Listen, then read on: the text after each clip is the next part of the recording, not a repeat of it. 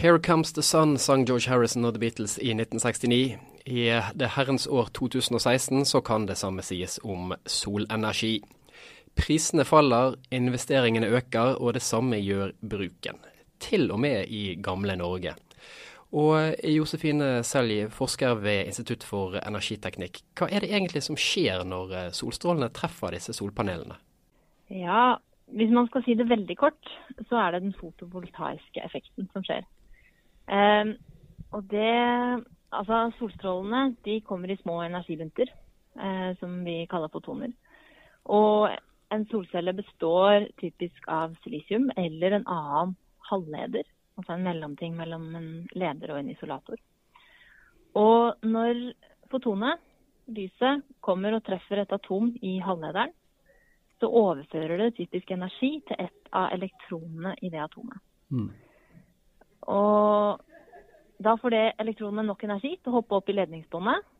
Og så kan vi fange elektronene i ledningsbåndet, eh, som da blir strømmen vår. Riktig.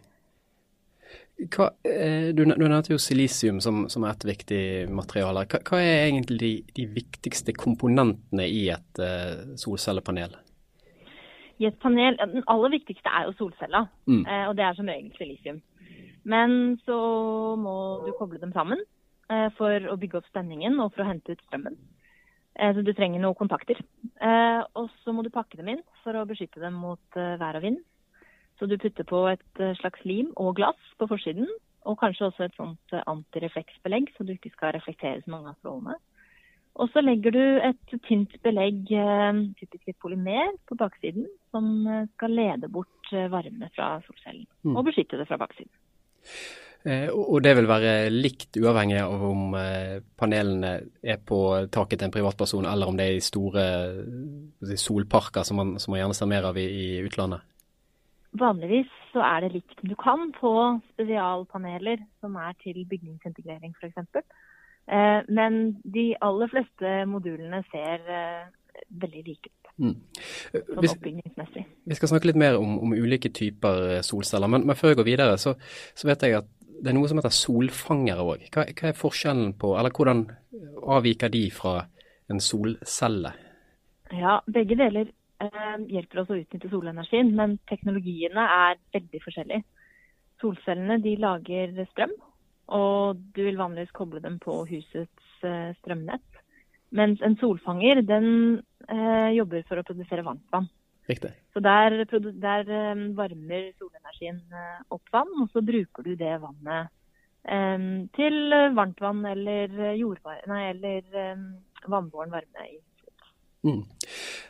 Jeg har skrevet en del saker om solcellebruk både i Norge og i utlandet, og snakket med, med, med ganske mange leverandører i, i, Norge. Og jeg har jo fått med meg at, at, det finnes mange ulike typer solceller. Du har eh, ja. monokrystallinske, du har polykrystallinske, det er noe som heter SIGS, CIGS. Eh, ja. Hva er egentlig forskjellen på alle disse, og er det, er det noe jeg som en potensiell solkunde trenger å bry meg om, eller egentlig ha noe forhold og forståelse til? For å svare på det siste først, så trenger du egentlig ikke det. Um, de fungerer på samme måte, og de produserer det samme. Um, men det kan være litt prisforskjeller, og så kan det avhenge av hvilken leverandør du spør. Hvilke produkter han har. Men 90% av markedet for solceller er silisium. Mm. Og som du nevnte, så kan det være enten monokrystallinske eller polykrystallinske. Og det er bare litt forskjellig produksjonsmåte. Eh, de som heter monokrystallinske, de består av én krystall, derav mono. Og de som heter poly, de er eh, smeltet, på, smeltet, og størknet på en litt annen måte og består av mange forskjellige krystaller. Mm. Monokrystallinske er typisk litt dyrere, men også litt mer effektive. Polykrystallinske er litt mindre effektive og litt billigere. Så, det... så de er ganske konkurransedyktige med hverandre. Mm. Um, så nevnte du SIGS. Mm. Kobber, indium, gallium, selenid. Um, som er en såkalt tynnfilmsolcelle. Den absorberer mye bedre enn silisium, og derfor kan du bruke et mye tynnere belegg. og Derfor så kaller man det tynnfilm. Uh, og det finnes, det er både uh, SIGS og det finnes også kadmiumtellerid, men kanskje ikke for salg i Norge. Eh, og det finnes en rekke andre, andre teknologier, både andre tynnfilmteknologier, organiske solceller, tandemsolceller som brukes i rommet, som eh, består av galliumarsenid bl.a. Så ja, det fins mye forskjellig, men silisium er den absolutt mest vanlige. Mm.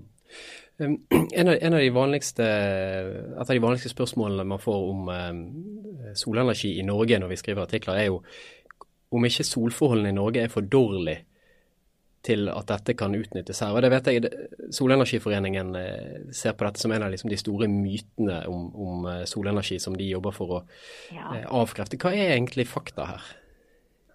Um, de har relativt gode solressurser i Norge, altså. Eh, jeg får også det spørsmålet der relativt ofte, men i, på østlandsområdet her så har vi vel ca. 10% mindre enn i sentrale deler av Tyskland. Mm. Tyskland er jo verdens eh, eh, Hadde i hvert fall lenge verdens største installerte kapasitet av eh, solceller. Eh, så, så det, det, stemmer ikke. Det som selvfølgelig kan være en, en faktor, det er at vi har mest sollys på sommeren. Eh, og så bruker vi kanskje mest strøm på vinteren. Mm. Eh, men, men, vi har bra med sol, altså. Og, og, og så mener jeg å ha sett òg at solcellepanelene trives best med en temperatur på rundt er det, er det minus fire grader eller pluss fire grader? Iallfall forholdsvis kjølig. Jo, jo kaldere jo bedre, egentlig, mm. for solcellepanelene. Så lenge det ikke blir helt ekstremt, da. For da får vi jo litt sånn uh, mekaniske utfordringer. Men, men, i prinsippet så virker de fleste solceller bedre jo kaldere operasjonstemperatur de har. Mm, så, en, så, en, norsk sommer eh, omtrent på frysepunktet, det er egentlig ideelt? Da, da er det ganske ja, gode forhold i Norge òg? Eh, det er helt ideelt, men du kan faktisk se det f.eks. i april-mai. Når eh, solinnstrålingen begynner å bli ganske sterk, men du fremdeles har lave temperaturer. Og hvis du da har litt skyet, og så hopper sola frem, så skyt av, får du skikkelig god produksjon. For da er modulene kalde, og så blir det full innstråling. Og da ser du en skikkelig spike i produksjonen til solcellen. Mm. Um, altså Lønnsomheten for solenergi i Norge er jo et altså Det er jo en sammenligning med strømpris via nettet eh, på, på vanlig, vanlig, vis. Hva, når du får spørsmål om det er lønnsomt med solenergi i Norge, hva, hva svarer du da? Ja um, Ja. ja, med forbehold. Uh, det er Vi ser jo ingen solparker i Norge foreløpig. Og vi forventer kanskje heller ikke noen solparker i Norge i nær fremtid. Fordi at hvis du har solceller på huset ditt, så er den verdt 80 øre for deg. Eller altså, den er verdt prisen på strøm pluss alle nettavgifter. Mm. Eh, men hvis du, og da er det fint mulig å få økonomi i solceller i Norge på taket ditt. Men hvis du skulle hatt en, eh, en solpark i Norge, så måtte du konkurrert på spotpris på strøm. Som ligger på da, 20 øre maks eh, for tiden. Og det klarer, ikke, det klarer ikke solstrøm i Norge. Og det er både da fordi vi har jo mindre sol enn rundt ekvator, og fordi vi har fryktelig lave strømpriser i Norge. Men på taket så er det mulig. Mm. Du nevnte jo selv eh, bygningsintegrerte solceller eh, mm. i sted. og det, det, er et tema som jeg, har, som jeg, har, hørt stadig mer om i det siste. at Det gjerne er et eh, område der det kan skapes et, et i hvert fall i norske, norsk målestokk, ganske stort marked med at uh, solenergi er med å bidra til, til bygningers uh, energiforbruk. Hva, hva, er egentlig bygningsintegrerte uh, solceller, og, og, hva fordeler har det? Bygningsintegrerte solceller er, de har en ekstra funksjon i forhold til vanlige solceller i et bygg. Så eh, De kan f.eks. være fasade, eller de kan være taket. Så Istedenfor bare å være lagt oppå taket, så de, har de en funksjon i det bygget som et uh, bygningsmaterial. Um, så Det betyr jo at du kan spare penger da, på takstein eller kledning uh, og sette opp solceller istedenfor um, det materialet. Og så gir det jo litt flere arkitektoniske muligheter. Eh, det finnes veldig mange lekne både eneboliger og større prosjekter der solcellene har flere funksjoner enn å bare lage strøm.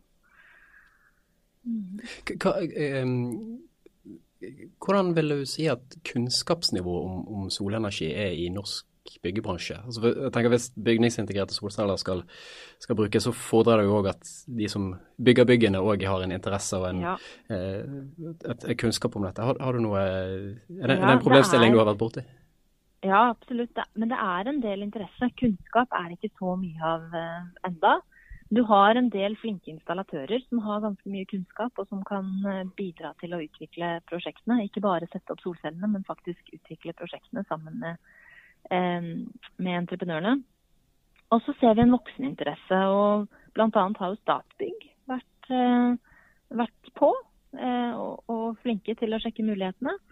Eh, og det er viktig at noen på en måte går foran og viser litt eh, vei. For du trenger en del piloter, og du trenger at folk ser hvordan det kan gjøres, da, helt konkret. Og at det kan gjøres i Norge også. Mm.